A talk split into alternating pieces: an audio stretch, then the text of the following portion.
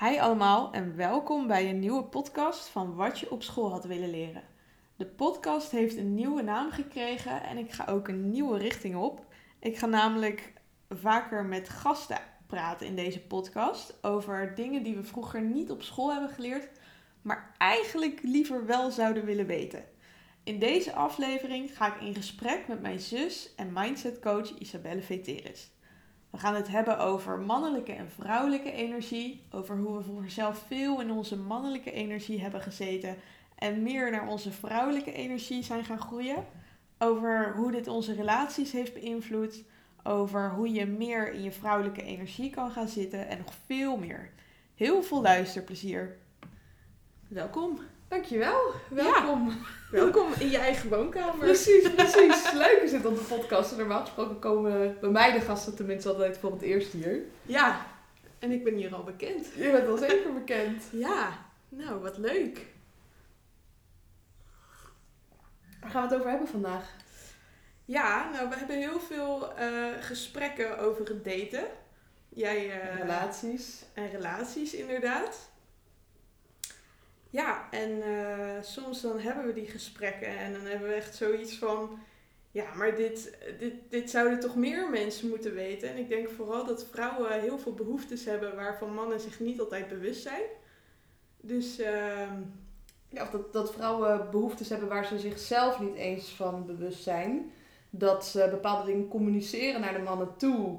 Wat ze willen, maar dat is niet wat ze echt willen. Nee. En dan gaan mannen vervolgens conformeren aan die behoeftes. En dan doen ze totaal de verschillende, de verkeerde dingen. ja, En vervolgens zijn die vrouwen boos. En dan denken die mannen, ja, maar ik heb toch alles gedaan. Is het nog steeds niet goed genoeg? ja, die mannen die snappen er niks meer van. Dat snap ik ook. En die vrouwen zijn ook helemaal in de war. Die denken van ja, dan luistert hij en dan vind ik het alsnog niet goed. Ja, wat, wat is er dan mis met mij? Precies, dus ik denk dat we nu ook al een aantal gesprekken samen hebben gehad. Dat we achteraf zeiden van, als we nu een microfoon op tafel hadden gezet, hadden we dit zo online kunnen zetten. Ja, misschien moet ik hem volgende keer ook gewoon bij me meenemen als wij een keer een koffietje Wij gaan gewoon standaard koffie drinken met een microfoon. straks. Misschien ooit een podcast beginnen, hadden we het al over. Maar voor nu gaan we in ieder geval een aflevering maken over relaties, daten, mannelijke, vrouwelijke energie Ja, eh, en dat soort dingen. ja. Ja, en ik dacht, ehm, misschien is het leuk om te beginnen met wat is nou mannelijke energie en vrouwelijke energie? Want ik weet nog dat jij daar op een gegeven moment over begon. En ik dacht echt van, ja, maar daar fuck heeft zij het nou weer over? En ik schoot een beetje in de weerstand. Dat ik dacht van, ja, wat is dat nou weer voor spiritueel gelul? Daar kan je toch niks mee? En op een gegeven moment, toen ging ik me er meer in verdiepen. En toen voelde ik ook echt wat de, ja, wat de gevolgen ervan waren. Dat ik, ehm, ja, ik zat heel veel in mijn mannelijke energie. Precies. Dus eh, uiteindelijk ben ik daar heel veel mee bezig gegaan. En nu vind ik het ontzettend interessant. Dus ehm, ja, kan jij daar wat meer over vertellen? Over mannelijke energie, over vrouwelijke energie? Ja, zeker. Ik was net zoals jij, dat ik vroeger een strong independent woman wilde zijn. ja, precies. Ik denk dat heel veel vrouwen dat denken te willen, maar dat willen ze helemaal niet. Althans, niet in hun relatie. Dus het kan prima in je dagelijkse leven. Dus je kan prima ambitieus zijn, hoge doelen willen bereiken, daarin in je mannelijke energie zitten. Maar in je relatie als vrouw zijnde over het algemeen wil je kunnen ontspannen. En ik liep daar zelf tegenaan bij een relatie die ik toen had, die ik toen ook had verbroken. En toen ging ik eigenlijk kijken van hoe kon dat nou? Hoe kon het dat wij samen niet werkten? En toen kwam ik erop uit dat ik te veel in mijn mannelijke energie zat in de relatie en hij zat te veel in zijn vrouwelijke energie in de relatie. Hij vond het bijvoorbeeld ook fantastisch als ik langer was dan hij, of als ik de leiding nam, of als ik eh, initiatief nam in dingen.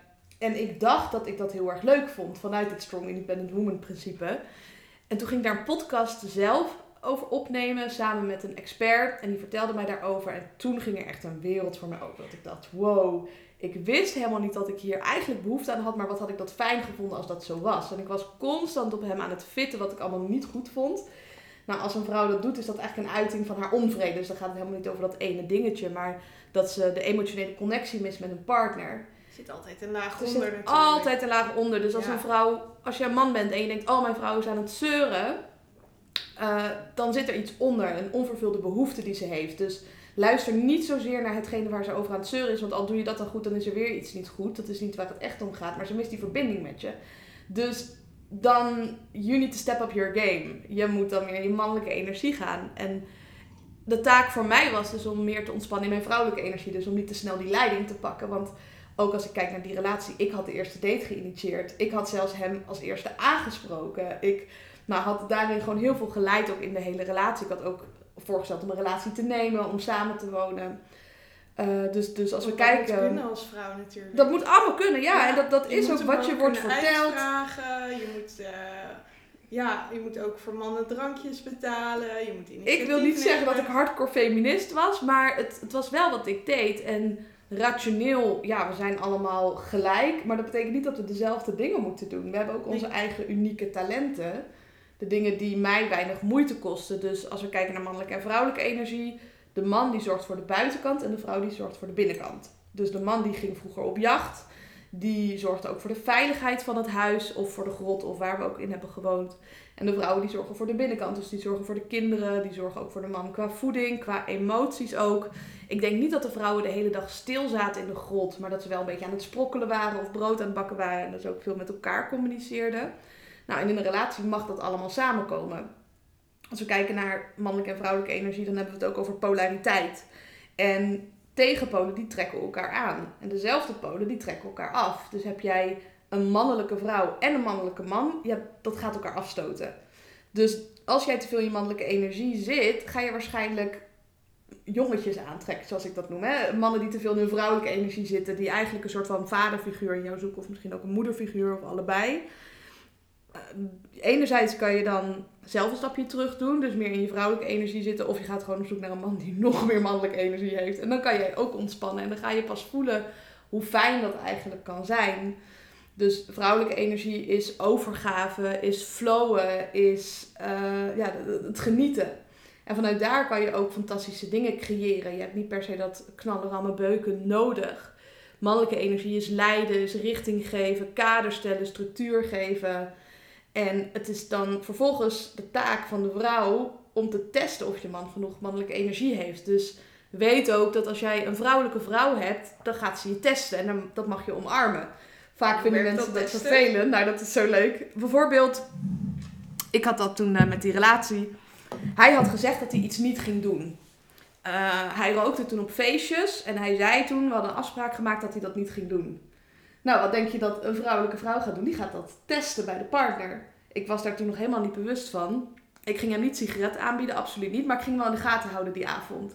Nou, op een gegeven moment stond hij met een sigaret in zijn handen. Nou, toen was die af. Ik was toen echt heel kwaad. En dat is niet zozeer om dat ene incident. Maar ik denk als vrouw test je ook van als ik straks kinderen met iemand heb, gaat hij dan bij me blijven? Is hij te vertrouwen op zijn woord? Kan hij ons ook beschermen als gezin? En hij was toen in die situatie gefaald. En hij zei ook, ook, ik was het vergeten. Nou, toen was hij nog meer gefaald. dus, Hij was het helemaal niet vergeten. nee, ik denk het niet. Dus hij loog er ook nog over. En Ja. ik snap het wel, want hij wilde zijn fout is niet betrouwbaar. Mannen willen hun fout niet toegeven, maar ze kunnen beter dan eerlijk met je zijn en zeggen: Ja, sorry, het, het, het spijt me, ik was het vergeten of ik heb een zwak moment gehad. Uh, maar vrouwen testen dan bijvoorbeeld ook als een man zegt: Oh, ik ga op dieet, dan gaat ze een biertje bijvoorbeeld aanbieden. En dan Ja. kijken of je het doet. Of stel dat jij als man hebt bedacht: van uh, ik ga een bedrijf beginnen. Nou, dan gaat je vrouw misschien zeggen: ja, Zou je dat nou wel doen, schatje? Of als je dan besloot van: nou, Ik ga er in de avond aan werken, dan gaat ze vragen of je met haar op de bank wil zitten. En op korte termijn, als je toegeeft, dan is ze heel blij. Mhm. Maar op de lange termijn, dan vindt ze je echt een sukkel. En wil ze minder intiem ook met je zijn. Dus dat merkte ik bij mezelf ook. Dat als een man faalde voor mijn testen, ook al was veel op onbewust niveau, voelde ik minder verbinding met hem. Dus Ja. als hij dan seks initieerde of wilde zoenen of wat dan ook. Ja, voor mij hoefde dat niet. En Nee. het zat hem zelfs in de dingen van samen op vakantie gaan. Als, als ik die verbinding niet voel, dan heb ik de neiging dus om mijn eigen pad te gaan. En als we dan ook weer kijken naar mannelijke en vrouwelijke energie, wordt het vaak vergeleken. Ik weet niet of je dat kent van het eiland en de boot. Mhm. De man is de boot. Of de man, man is het eiland en de vrouw is de boot. De vrouw die gaat dan varen en die komt vanzelf weer terug bij dat eiland. Hoe meer de man achter die boot aan gaat proberen te zwemmen, hoe verder die boot wegvaart. En ik denk dat jij dat heel erg herkent Ja, in ja. je datingleven. ja, want ik zeg altijd, ik wil een man die zijn eigen ding doet. En ik vind het super aantrekkelijk dat een man eh, zijn eigen hobby's heeft, dat hij gepassioneerd is over zijn werk, dat hij het misschien net iets te druk heeft. Ja, En eh, soms ook super frustrerend als ik dan met een man aan het daten ben. Die geen Eh, tijd heeft. Die geen tijd heeft en dat ik het liefst elke dag met hem op de bank wil knuffelen. En, Ja. en dat hij zegt van ja, sorry, maar je moet wachten tot het weekend. Dan eh, heb ik een middagje voor je vrijgemaakt. Ja. Of eh, dan heb ik tijd. En dan denk ik aan de ene kant van ah, ik wil hem nu bij me hebben. Maar ja, aan de andere kant, als er een man is die alle tijd voor me heeft en die zelf geen hobby's of geen passies heeft, ja, ben ik zo op afgeknapt. Dat vind Ja. ik doodsaai. Dus, ja, als je eh, goed in mannelijke energie zit, denk ik dat een vrouw onbevredigbaar is. Ja, Dan wil ze constant intiem met je zijn, knuffelen, inderdaad, Ja. seks of, of voor je zorgen of whatever. Maar ben je dat niet, dan gaat ze in haar mannelijke energie zitten. Ja, precies. Ja, dat is denk ik ook wat je als man wil. Je, ja, dat, dat een vrouw, dat ze jou, naar jou gaat verlangen. Ja, dat er een vrouw op je zit te wachten thuis. Ja, precies. Dat is wat je als man mag creëren voor jezelf. En dan klinkt het heel denigerend. Ik denk ook altijd in een relatie staat één van de twee staat op één. En er is geen goed of fout. De twee is, is niet slechter. Maar de missie van de man staat op één in de relatie. En dan komt eh, de vrouw. Ja, En, en het leven van de vrouw staat ook deels in het teken van de missie van die man. ja, Dus als we ook kijken naar bijvoorbeeld onze ouders, dan stond het leven van mama ook in het teken van papa. Dus in die zin vond ik dat ze een gezonde relatie hadden als het gaat om die mannelijke en die vrouwelijke energie. En dat een van de twee, het, het kan natuurlijk wel dat je allebei een carrière-tijger bent, maar dan mist de Mhm. polariteit in je relatie. ja, precies. Dat, dat als een man thuis komt, dat er ontspanning is. En niet dat de vrouw zelf ook nog achter die Nee, laptop zit. Heb je Nee. helemaal geen tijd voor elkaar. Nee. En eh, dat de vrouw een carrière-tijger is en de man lekker thuis voor de kinderen gaat zorgen. Ja, dat kan. Als dat prima voor je is, zeker. Uitzonderingen daar gelaten. Dat is hetzelfde als mensen die zeggen, ja, dit is gezond of ongezond. Ja, sommige mensen gaan dood van pinda's.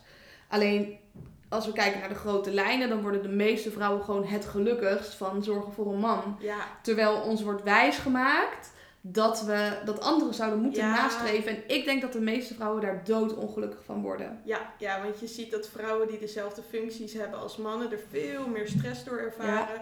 Ongelukkig zijn. eh, ja, die... Maar ook zichzelf saboteren, hè? Dus Vrouwen zeggen wel van we willen carrière maken, maar vervolgens zeggen ze ja, maar we gaan niet na zes uur reageren op onze mail en we willen wel Nee, vrijdag vrij 40 uur zijn. per week En, werken is voldoende. En, eh, of minder. Dus bepaalde Ja. functies daarvoor kom je dan niet in aanmerking. En dat is helemaal oké. hè Wij Ja. hoeven als vrouwen niet per se allemaal manager te zijn. En het is ook discriminatie om dan maar meer vrouwen aan te nemen omdat ze een vrouw zijn. ja, Terwijl ze helemaal niet geschikt zijn voor de functie. En niet omdat ze vrouw zijn dat ze niet geschikt zijn, maar ze willen het niet doen. Dus hun passie zit er niet in. Nee, en als je kijkt naar het totaal aantal kandidaten, dan zitten daar minder vrouwen tussen dan mannen. Dus Ja.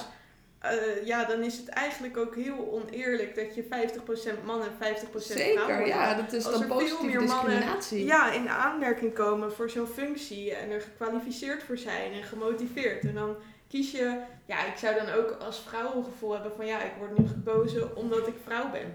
Ja, ja, exact. Het is niet vanwege mijn harde werk. Het is niet op competentie. Nee. En Nelson Mandela heeft ervoor gestreden dat we gelijk behandeld worden en niet voorgetrokken worden op basis van huidskleur of geslacht of eh, geloofsovertuiging. En eigenlijk zijn we nu tegenovergestelde aan het doen. Mhm.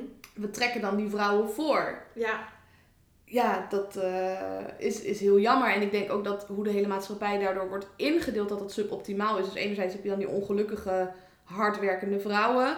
Anderzijds is er daardoor ook veel meer geld in de economie, waardoor de prijzen omhoog gaan. Prijzen van woningen, prijzen van voeding. En dan houdt het hele systeem weer zichzelf in stand. Want je kan niet meer nu in je eentje als man een huis kopen. nee. Vroeger was het heel normaal. Kijk, de man zorgt natuurlijk voor het huis. Of voor de buitenkant, voor de veiligheid, dat de man het huis betaalde. En de vrouw die kwam erbij wonen. Mhm. Die verdiende geen geld. Als je als vrouw vroeger ging trouwen of als je zwanger was, dan werd je ontslagen. Ja, Want het hele gezin kon teren op het inkomen van één persoon.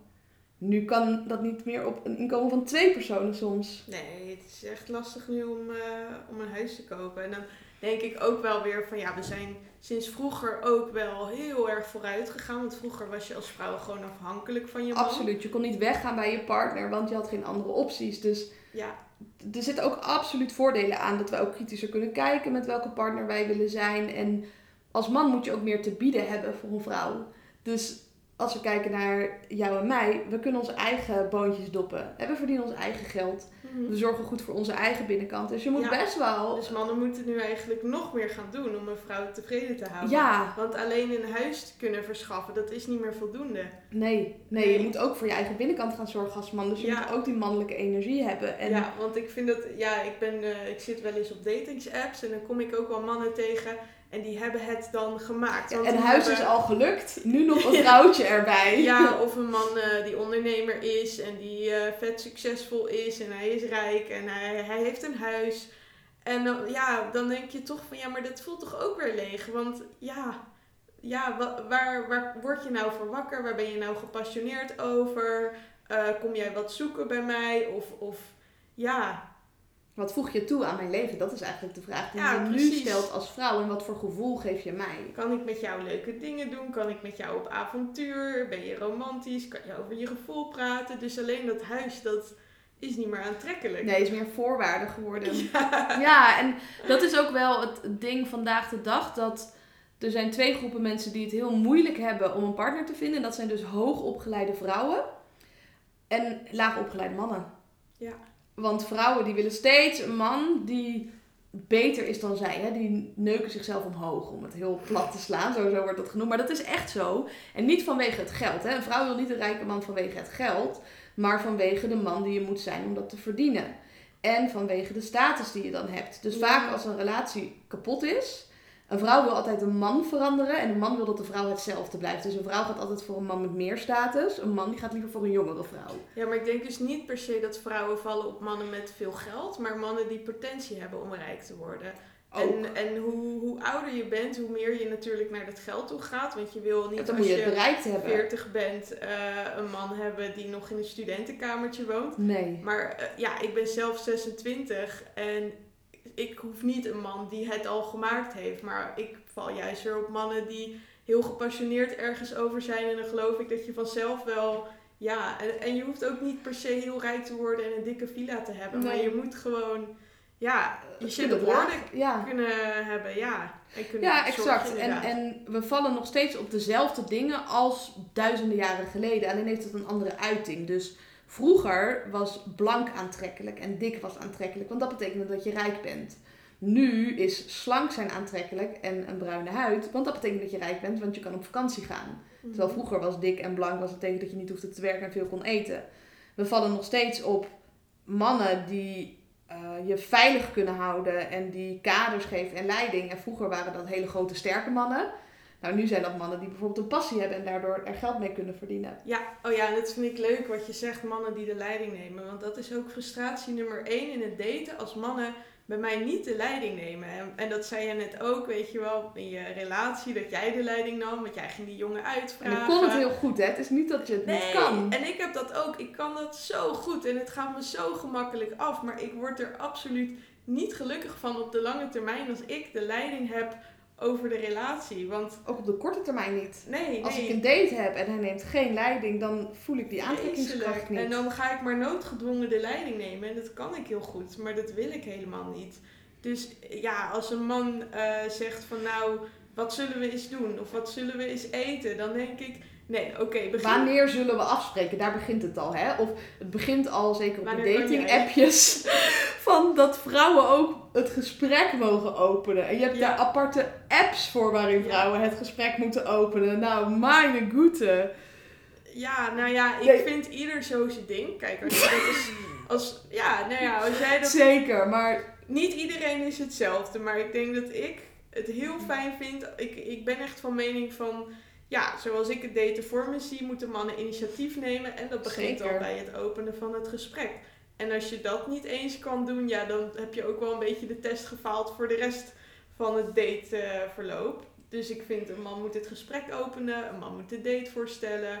Eh, ik vind het ook aantrekkelijker als hij gewoon zegt van, nou, laten we vrijdagavond om 6 uur afspreken en we gaan dit en dit en dit precies. doen. Of anders eh, nog een, In plaats van dat je gaat vragen van, wat wil je doen en wanneer kan je? En je moet me niet te veel laten nadenken. Stel gewoon Dat, voor. dat is belangrijk. Hè? Je moet vrouwen niet te veel laten Nee, nadenken. nee, en ze moeten flowen. Ja, ook niet zeggen van nou, wat gaan we eten? Waar heb je zin in? Nee, zeg gewoon laten we dit eten. Ik ben heel makkelijk. Ik zeg oké, laten we doen. Denk jij maar lekker voor mij na.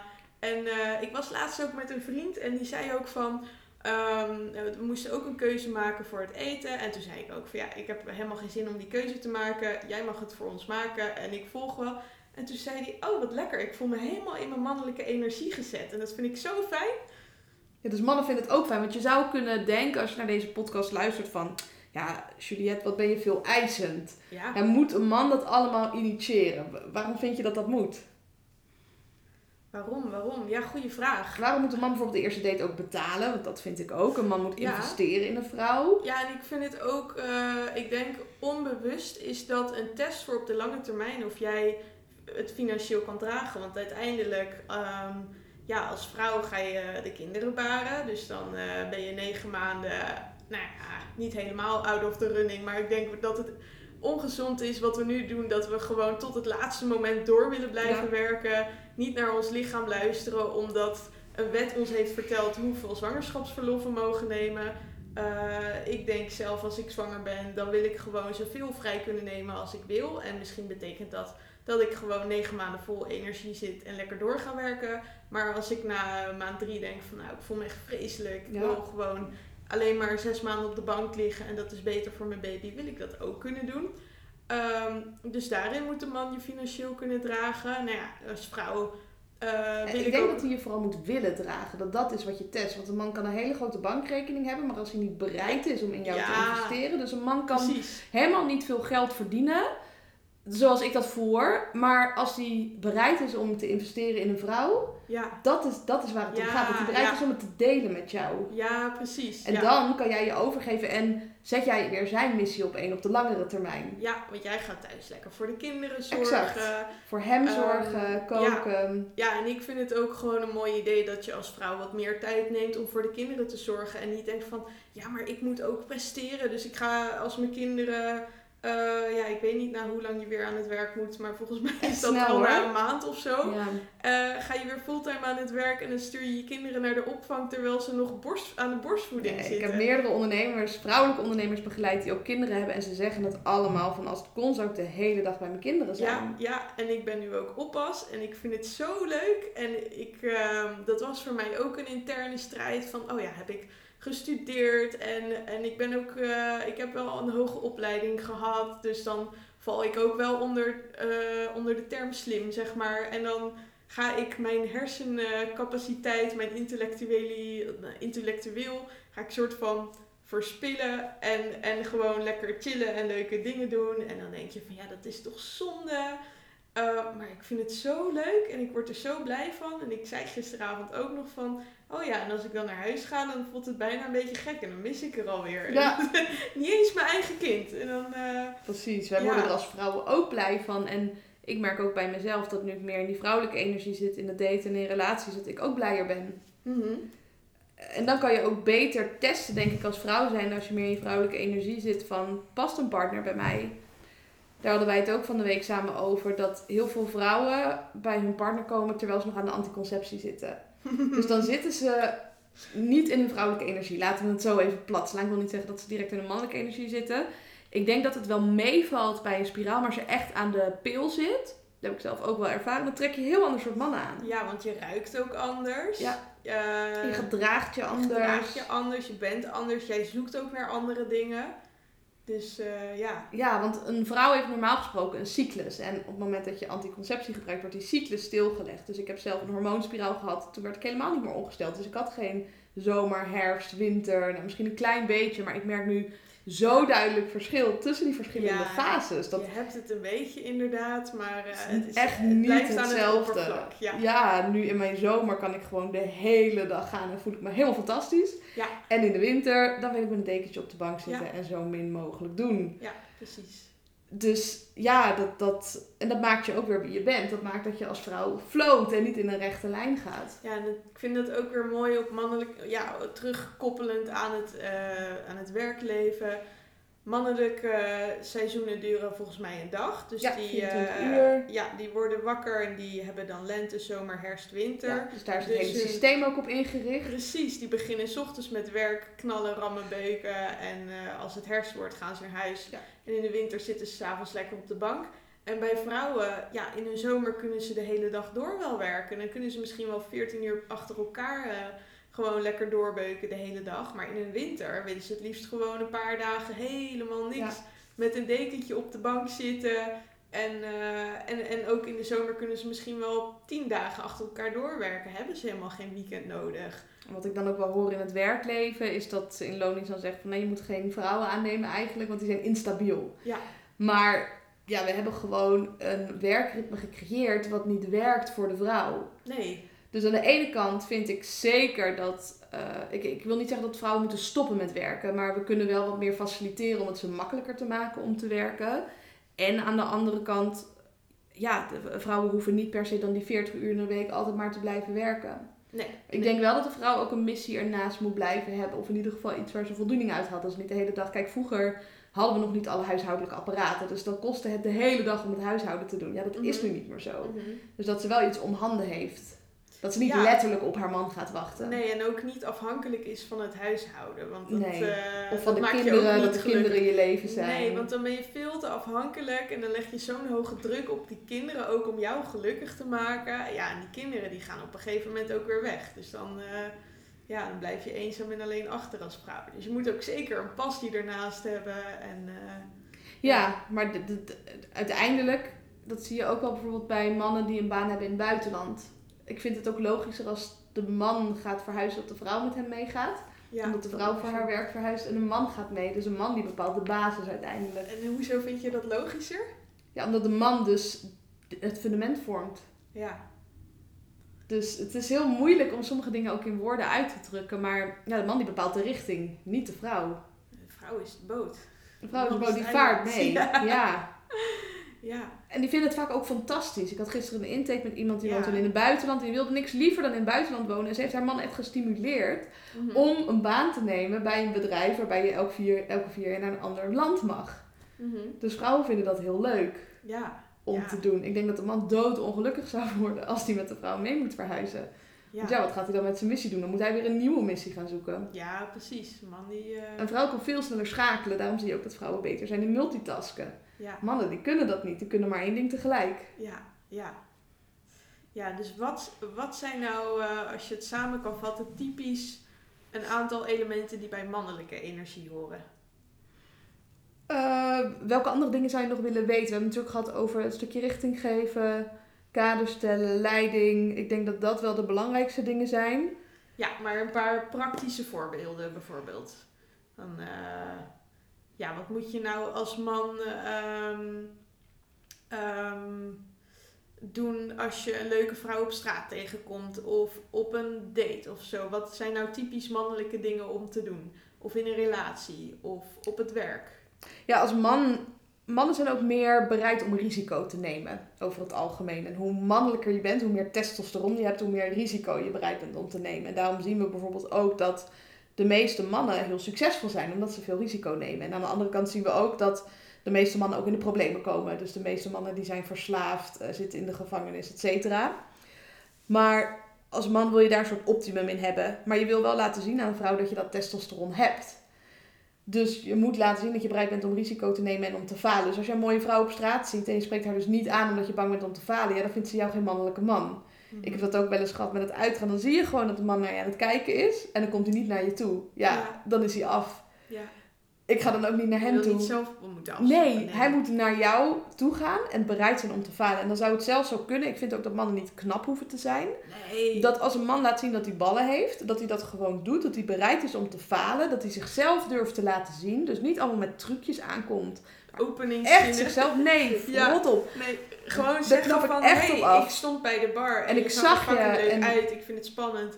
Ook kwetsbaar durven zijn. Want ik Zeker. vind het spannend, maar ik dacht, ik moet met jou praten. Ja, ik kan niet naar Ik huis zonder jou gesproken te hebben. Ja. Ja, nou, praat maar raak.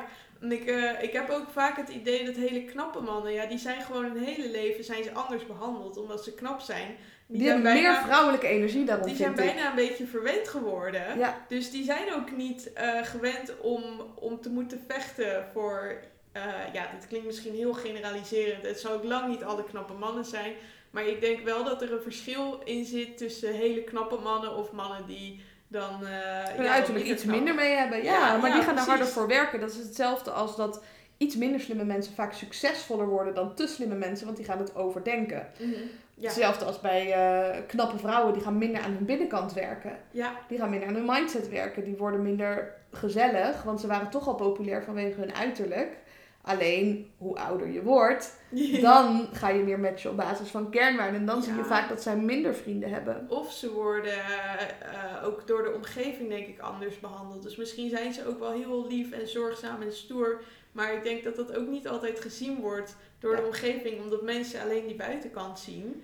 Dat En- zie je bij blonde jongens. Dat Ja. hebben ze echt onderzoek naar gedaan, dat die anders behandeld worden dan, dan donkerdere gekleurde jongens, of nou om de haar of de huid gaat. haar, ja. Ja, door de juffrouw op de basisschool. Ja, ja, want die zijn liever natuurlijk. En ik trapte ook in die valkuil hoor, want ik heb een jongetje begeleid die moest bijna van school gestuurd worden. En die had heel wit blond haar en blauwe ogen. Nou, ik had een Oh. zwak voor die jongen. Ik vond hem echt het liefste kind van de, van de klas. Ik kon wel heel streng voor hem zijn hoor, dus ik denk dat het daarom ook zo goed werkte. Maar ik snapte echt niet waarom ze hem van school wilden sturen. Ja, en ik heb nu nog steeds een zwak voor jongens met blond haar en blauwe ogen. Terwijl ze niet per se aardiger tegen me zijn of zo. Nee. Maar gewoon als ik dat zie, dan denk ik, oh. En ik denk dus daarom ook dat vrouwen over het algemeen niet op de man vallen die het hoogst op die apenrot staat. Nee, nee, nee, nee. Vrouwen willen ook een beetje een, een sukkeltje. Ja, Iets, iemand die iets menselijks heeft of... Ja, dat ze ja willen ook niet anders voelt het te onbereikbaar. En Ja. Dat is ook, dat is eventjes leuk, maar na een tijdje is het doodvermoeiend. En dan Het is leuk om naar te van- kijken. Ja, dan denk je van laat maar. Want ja, ik heb ook heel vaak de mensen die mij opvallen qua uiterlijk. Als ik daarmee ga praten, is het zo'n tegenvaller. Terwijl, ehm, dat heb ik met het reizen echt gemerkt. Dat sommige mensen, ja, daar zit je al drie of vier dagen lang op dezelfde plek. In hetzelfde hostel. En dan eh, komt iemand ineens naar je toe. En dan denk je, nou, ik heb jou nog nooit gezien. Want eh, Ja? ja, je, je uiterlijk eh, is me gewoon niet opgevallen. En die blijkt dan zo leuk en interessant te zijn. Ja, Dus ja, precies. Dus, dus wat mannen moeten doen is een stukje leiding nemen, ballen laten zien. Niet te onzeker zijn over hun uiterlijk. Je kan beter iets minder knap zijn dan te knap. ja. Ga wel sporten.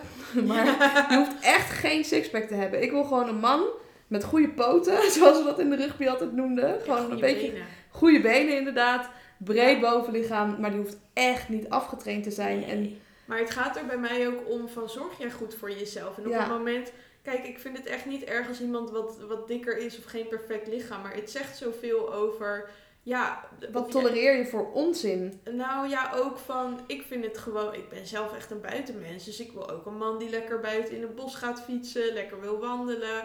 Ik wil iemand die gezond eet, die lekker sport, Dat. die dat leuk vindt. Eh, ik, denk, ik denk dat je van sporten ook echt een leuker mens wordt, want je spieren maken een stofje aan waardoor je gelukkiger wordt.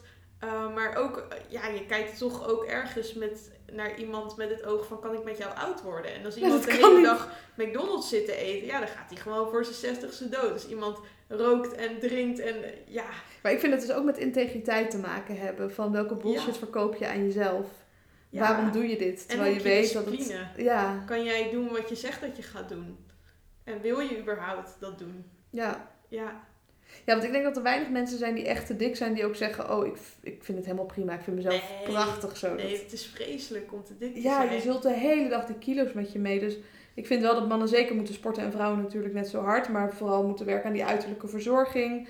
Dingen doen waar ze controle op hebben. Gewoon de douchen, goed eten, goed slapen. Ja, maar dit is gewoon menselijk. Ik zou ook geen vriendin willen hebben die, eh, die niet doucht of zo. Ja, En eh, ja, dit klinkt misschien heel hard, maar ook kijkend naar vrienden, van ja, de mensen die je om je heen verzamelt, die bepalen uiteindelijk ook hoe jij wordt. Dus als jij je gaat omringen met mensen die de hele dag heel ongezond eten, ja, dan ga je vanzelf ook die kant op. En vrouwen testen daar ook weer op. Als ik met een man date, dan kijk ik echt wel wie zijn vrienden zijn. Ja, En als het allemaal een beetje um, ja. sukkels zijn, ja, dan knap ik toch af. Dat is minder Dat is wat Ja, tolereert. als je heel leuk in die vriendengroep past en je denkt van, oh, die wat vrienden een- zijn wat superleuk. een leuke mensen. Ja, dat is zo aantrekkelijk. Ja, Ja, ja, zeker. En wat moeten vrouwen anders doen, denk je, Jules? anders doen. Ja, of, of wat zou je hen mee willen geven? Hoe kom je meer in vrouwelijke energie? Nou, e- eerste stap. eh, nou, ik denk dat het leuk is als ik een stukje daar eerst over mezelf vertel. Want ik was ook net als jij een echte hardcore feminist. En ehm, Ik was niet zo heel hardcore, maar... nee, misschien ook geen hardcore. Ik was ook niet heel extreem, maar ik was wel van mening dat vrouwen alles moesten kunnen wat mannen konden doen. Niet omdat ze het leuk vonden, maar gewoon omdat om zich. Ik had een soort bewijsdrang. Want ik ben ook op een gegeven moment op de middelbare school ben ik begonnen op gymnasium. Toen ben ik naar HAVO gegaan. Dus ik was dom. Dat heb ik ook van mensen om me heen gehoord. En toen had ik zoiets van, nou ja, dan moet ik nu wel het hoogst haalbare gaan doen. Niet datgene wat ik leuk vond, maar datgene, eh, het allerhoogste wat ik zou kunnen doen. En eh, dat was een technisch pakket. Dus ik moest in de HAVO allerlei keuzes maken van welke richting op wilde. Eh, ik op wilde. En toen dacht ik, nou ja, dan ga ik eh NNT doen met natuurkunde en wiskunde en scheikunde. Want dat is het, eh, ja, dat is het hoogst haalbare. En ik vond het ook wel cool tussen die jongens. Want dan zat je in zo'n Mhm. natuurkundeles en dan zat je daar met misschien drie of vier vrouwen en 16 mannen. Ging jij dan ook de competitie met de mannen aan voor de cijfers? Nee, zeker Oh, niet. ik wel. Ja, maar die bij mij, eh, er zaten hele slimme mannen Oh, ja. tussen. Die haalden de hele tijd tienen. Ja, ik haalde achten of zo, dus dat was ook wel goed. Maar, eh, en, en ik dacht ook van, eh, ik ben echt one of the guys. Ik had ook allemaal jongensvrienden. En toen bij de studie eh, deed ik weer precies hetzelfde. Ik ging logistics engineering studeren. Dus ik zat, ik zat ook, ja, ik zat ook weer tussen de mannen daar. En het was ook allemaal weer technisch. En ik vond het technische, ik vond het ook wel leuk. Maar, Ik vond het tussen de mannen... Ik vind het nog steeds, want mannen zijn lekker ongecompliceerd. Alleen... ja, maar die technische mannen die waren toch Ja, een dat- beetje dat. Dat Ja. waren niet per se de mannen waarvan ik denk van... Oh, dat is echt fijn om in hun mannelijke energie te zitten. In de logistiek ja, kom je niet per se de, de meest mannelijke mannen tegen. Ehm, ehm, ja, maar op een gegeven moment ben ik ehm, gaan reizen. En toen kwam ik er toch ook wel achter, ook door te daten, dat ik heel erg de leiding nam. En ik deed ook, ik, ik, ik had een eh, motor, dus ik was ook heel erg op mezelf en ik nam heel veel actie. Dus ik moest steeds zelf ook kiezen van daar ga ik heen. Ik moest ook heel veel voor mezelf zorgen. En op een gegeven moment voelde ik toch wel aan de ene kant de behoefte van ja, ik wil wat meer ontspannen. Ik wil wat achterover leunen. En ik, ik vond het dan bijvoorbeeld veel fijner om gewoon lekker bij iemand in de auto te zitten en dat een man lekker reed in plaats van dat ik zelf steeds op die motor moest. En in het daten merkte ik ook dat mannen mij een beetje op een voetstuk plaatsten en dat ik de hele tijd de leiding nam in het daten en dat dat doodvermoeiend was. En ik was ook een beetje gefrustreerd omdat ik hele ja, wat voor- eh, mannen, ik trok mannen aan die een beetje afhankelijk van me waren. Die in hun vrouwelijke energie zaten. Ja, en ik vond dat eh, frustrerend. En toen, toen heb ik eh, het daarover gehad. Ik heb er zelfs een tarotlezing over gehad. Ik heb er, het is naar me teruggekomen in een, ehm, in een LSD-trip. En, eh, en, en toen zag ik wel in van, oh ja, ik moet meer aan mijn vrouwelijke energie gaan werken. Ik moet wat meer ontspannen. Ja, dus je bent echt naar jezelf gaan kijken. Hè? Als, als vrouwen die zeggen vaak, waar zijn die leuke mannen? Nou, dan moet je dus eerst even naar jezelf kijken. Ja, precies. En, eh, en ik ben. eh, het advies was toen ook van een vriendin van mij die heeft een tarotlezing gedaan en die zei: ga spelen. Dus ik ben lekker gaan eh, kleuren, ik ben lekker creatief aan de slag gegaan. Daarvoor was alles heel erg praktisch, go, go, go. Alles wat ik deed moest een doel hebben. Dus ik moest, eh, als ik boeken ging lezen, moesten het praktische boeken zijn. Ik ging dan op de motor. Ik was veel aan het sporten, maar alles moest zeg maar een doel hebben. Ik was ook veel met beleggen bezig in die tijd en geld. Ja, precies. En dat vind ik nog steeds heel interessant. Maar dat doe ik dan ook omdat ik het interessant vind en niet omdat het nuttig moet zijn of omdat ik me, omdat ik me moet bewijzen of zo. Eh, en toen ben ik dus meer gaan eh, creatief bezig geweest. Ik ben, eh, ja, ik ben gewoon heel bewust bezig gegaan van ehm, hoe ga ik me gedragen in een relatie en wat wil ik dat een man doet. En toen ben ik ook vanzelf mannen gaan aantrekken die gewoon de leiding namen. En dat was zo fijn. Ik kon me zo ontspannen. En ik ben heel eigenwijs. Dus natuurlijk druk ik dan af en toe nog wel Je gaat het toch proberen, toch? Dan test je ook Ja, die mannelijke En energie. Ik weet nog dat er een man was en die, had, die, die liet me dan één minuut mijn ding doen. En dan had hij zoiets van, ja, eh, wacht jij maar even, ik ga dit fixen. Ga jij maar lekker zitten. En, nou, dat- wil een man die zegt, maak je geen zorgen schat, ja, ik fix het wel. ja en, en, en dat klinkt misschien heel denigrerend, maar dat voelde zo fijn. Waarom is dat denigrerend? Oh, dat hij zegt van, eh, stop maar. Ja, maar hij zei het niet eens letterlijk. Hij Nee. nam gewoon de leiding over. En dat was al dat we ehm, samen in een taxi naar huis zaten en dat hij de navigatie ging doen. Dat was ik gewoon niet eens gewend. Omdat ik altijd degene was met die motor die dan mensen achterop nam op de motor en de navigatie deed en de eh, plekken fixte en zo. En het was zo'n verademing dat iemand dat voor mij deed. Het was zo fijn. Ja, Ja, dus ehm, ja, ja. hoe kom je dus meer in je vrouwelijke Hoe energie? kom je daar? Spelen noemde je al. Spelen, ja. Overgave denk ik ook. Overgave in dansen. Ik weet ook nog dat wij deze zomer zijn we naar Summer Breeze geweest. En eh, ik had geen koek gegeten van dansen, maar ik dacht ik zie wel en ik bluff me er doorheen. En eh, juist omdat ik het ook niet kan, moesten die mannen mij wel leiden. En als je als vrouw dan bijvoorbeeld alle stapjes uit je hoofd kent, dan ontneem je de man de kans om echt goed te leren leiden. Want hij moet weten van, oké, als ik haar zo duw, dan gaat ze ook die kant op. En dan moet je niet die kant op gaan omdat je weet dat je die kant op moet gaan. Maar je gaat die kant op vanuit je hoofd, hè, in plaats Ja. van vanuit je gevoel. omdat je voelt van hij wil mij die kant op hebben. Dus dat dansen met een partner, dat heeft mij ook zo geholpen om te ontspannen, om me over te geven. En Jij hebt daar geen les in gehad en ik wel. En dan voel je elke keer, dan zei mijn leraar elke keer weer Isabel, je bent weer jezelf aan het dragen. Ontspan, Ja, laat je dragen door de man. Denk ik, oh ja, ja. ja, ja, ja. En ik merkte daarin ook hoe fijn ik het vond dat die mannen mij dan konden dragen. ja. Maar dan merk je ook echt, vond ik in de dans, wie er fijne mannelijke energie Ja, heeft en ja. wie niet. Ja, En op wie je dus wel goed gaat daarin en waarin niet. ja, want sommige mannen die konden, eh, die hadden geen eh, koek gegeten van dansen, net als ik, maar die hadden dan een workshop basispasjes gedaan en die kwamen dan zo naar me toe van, hey, wil je met me dansen? Ik, liet, ik vroeg ook nooit aan mannen of ze met me wilden dansen. Ze Ik kwamen heb dat één keer gedaan en daarna nooit meer. Ja, precies. Maar op een of andere manier kwamen ze gewoon aan de lopende band naar me toe. Ik deed een beetje daar alsof ik kon dansen. Ik stond daar een beetje te lachen en mooi te wezen. En dan kwamen ze wel naar me toe. En soms kwamen er dan mannen en die zeiden van ja, ik eh, ken alleen de basispasjes, maar ik wil gewoon, of ze zeiden niet eens. Dan deed je gewoon drie minuten lang een basispasje. Dat kan al heel leuk Dat zijn. was zo leuk. Want, eh, dan had je zo'n lachende man naast je, of hij pakte je gewoon goed vast. Of ja, en Je je hoeft had- helemaal niet het beste te zijn in die dans of ook niet in het algemeen in het leven.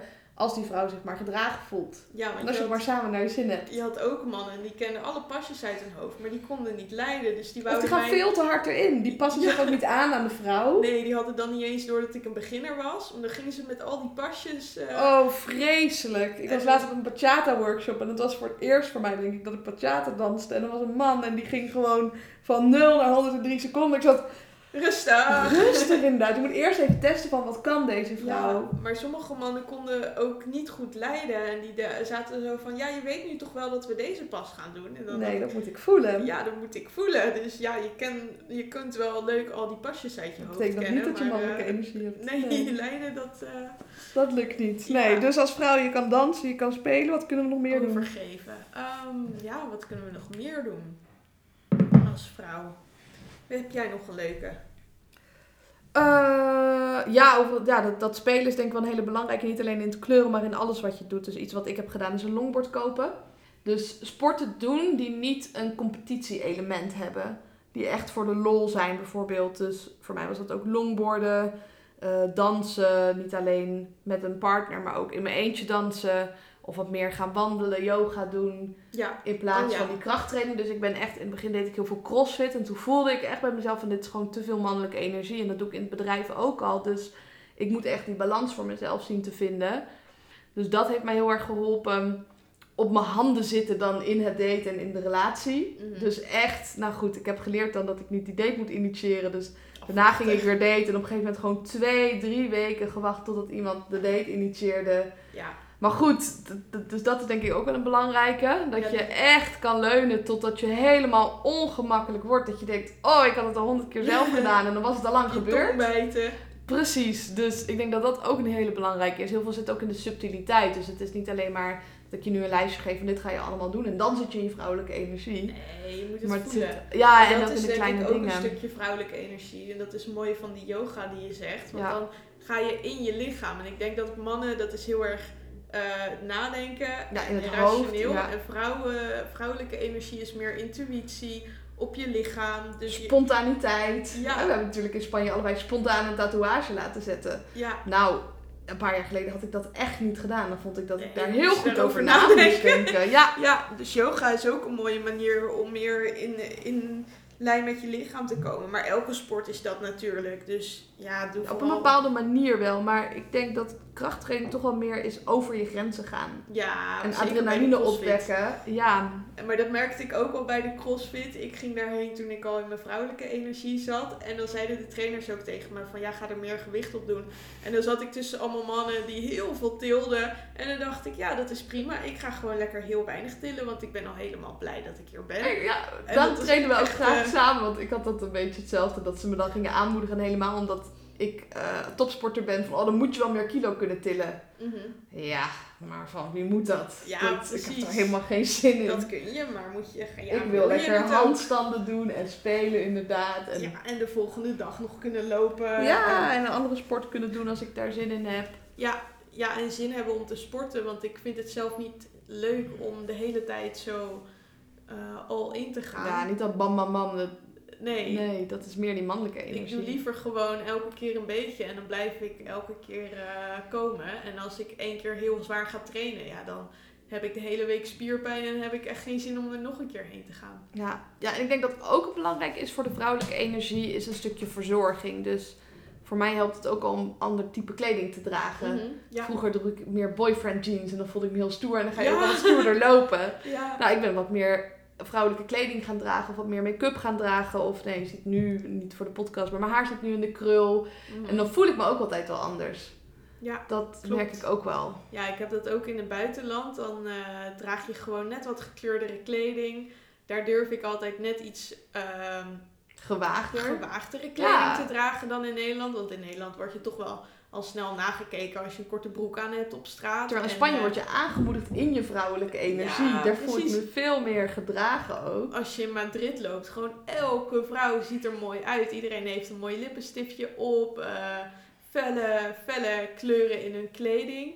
Ja, Ja. soms ook wat kortere kleding, maar ze kunnen het goed hebben. Dus dan Ja, is het daar, vind ik het sexy. In Nederland word je dan toch snel uitgescholden. Niet in je gezicht, maar achter je rug op. En oh, kijk nou wat die aan heeft. Of, Nee, en ik, ik denk ook dat het ook weer terug te vinden is in de mannelijke en vrouwelijke energie in het buitenland. Want ik Ja. denk toch in Spanje dat dat wat meer eh, ja, in balans is. Of bijvoorbeeld in Zuid-Amerika waar ik geweest ben, waren de vrouwen ook wat meer verzorgender eh, in het dagelijks leven. En de mannen die werkten gewoon. En wij in de westerse wereld, en dan denk ik vooral in, in Nederland en andere noordelijke landen. Het, eh, ja, het wordt veel meer aangemoedigd voor vrouwen om, eh, om hetzelfde te zijn als mannen. ja. ja, en om eh, maar niet te veel op te vallen. Ja. Ja. want eigenlijk is dingen als make-up. Ik heb seksuologie gehad op de universiteit. En dat is eigenlijk om te laten zien dat je beschikbaar bent voor de man. Hè? Je simuleert na alsof je in een staat van opwinding bent. Dus vandaar de rode lippenstift of mascara, dan lijken je pupillen wat verwijt. Dus, of, of, of met bepaalde kleding laat je wat meer van jezelf zien. En daar zit in Nederland dus heel erg een taboe op. Als jij te veel make-up draagt, dan vinden we daar ook wat van. Ja, In plaats van dat we dat ook aanmoedigen van. En ook dat we als vrouwen denk ik elkaar aanmoedigen van wow, wat ziet er leuk uit. Of, ja oh, precies. In plaats echt van een leuke meid. te zien van, oh, ziet Precies. zij er sletterig uit. Ja, en ik denk nog een vergelijking die ik net maak met het buitenland, is dat ik ook merkte dat eh, landen waarin die rollen wat traditioneler zijn, dat mensen ook meer in contact zijn met hun gevoel. Want vrouwelijk, dat is voelen en eh, ja, wij, wij hebben heel veel mannelijke energie aangeleerd. En daardoor gaan we naar dat logische toe, naar dat analytische. En we gaan weg van ons gevoel. Ehm, en ik merkte echt toen ik in Zuid-Amerika was, dan ging het veel meer over gevoelens. Ook bij de mannen toch? Ik heb ook, ook, bij wel, de mannen, ja. over je hart, over dansen, over de leiding eh, nemen als man, over ontspannen als vrouw. Ja, Exact. Ja. ja. Dus ik denk ook als je daar meer mee in contact wil komen, ga bijvoorbeeld naar Spanje. ja. En dan misschien in je eentje of met twee vrouwen samen en ga dat gewoon ervaren. Ik ben met mijn oudere zus ook gaan interrailen door Spanje en dat vond ik daarom ook heel leuk. Ik voelde me toen ook heel erg aangemoedigd in mijn vrouwelijke energie. Zeker als je daar ging stappen ehm, of over straat liep. Dus ze kijken op een andere manier ernaar. Er hangt een andere sfeer. En als je dat daar. Ja, als je dat hebt geproefd daar, kan je dat denk ik ook wel makkelijker meenemen hier of wat meer gaan Ja. opzoeken. En ik vind het ook leuk, want ik merk ook hier dat je wel anders op straat wordt aangekeken. Op een beetje een viezige manier soms. Hmm, ja. En, en dat je ook kan genieten van eh, als er iemand je op straat nakijkt. Als het Want op een dat- fijne manier is, een Ja. bewonderende manier. En Ja. niet op een manier van. Ja, Het is een combinatie wel van iemand die je aantrekkelijk vindt, maar wel op een denigrerende manier. Iemand die de kleren van je lijf zou willen scheuren. Of oh, ja. die je dan zo gaat nasissen of fluisteren. Of ja, inderdaad. Terwijl iemand, ja, gewoon... Ja, het- dat doen ze natuurlijk ook in het dansen in die cultuur. Hè? Dan doen ze echt. Woe! ja. Dan moedigen ze je echt aan. ja maar In op plaats een van- positieve manier. Dus dat Ja, is. hé meisje, kom eens hier. Kom Ja, eens hier. Ja. Nee, Maar dat is ook daar laten ze je ook je ding doen. Dan kunnen ze er naar kijken, dan hoeven ze dat niet te pakken. Er zijn ook weer culturele verschillen. Want toen ik in Ghana was, toen was het heel normaal dat mannen tegen hun vrouwen Maar deden. vonden die vrouwen dat leuk? Die waren dat gewend. Dus Nee, maar vonden ze. dat heb ik niet aan de vrouwen gevraagd. Ik vraag hadden, me dat af. die hadden niet zoveel te zeggen daar. Nee, exact. Die hadden Dus- eigenlijk helemaal niks te zeggen daar. Nee, dus ik, ik, Dus ik ergens een beetje af. feminisme is ook wel weer eh, mooi.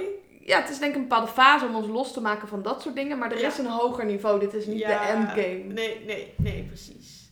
Nou, Laten we hem daarmee afsluiten. ja, dankjewel eh voor dit mooie gesprek. Ja. En eh, ja, dat was hem weer. Dan moet ik hem hier even uitzetten. Right on time. Perfect.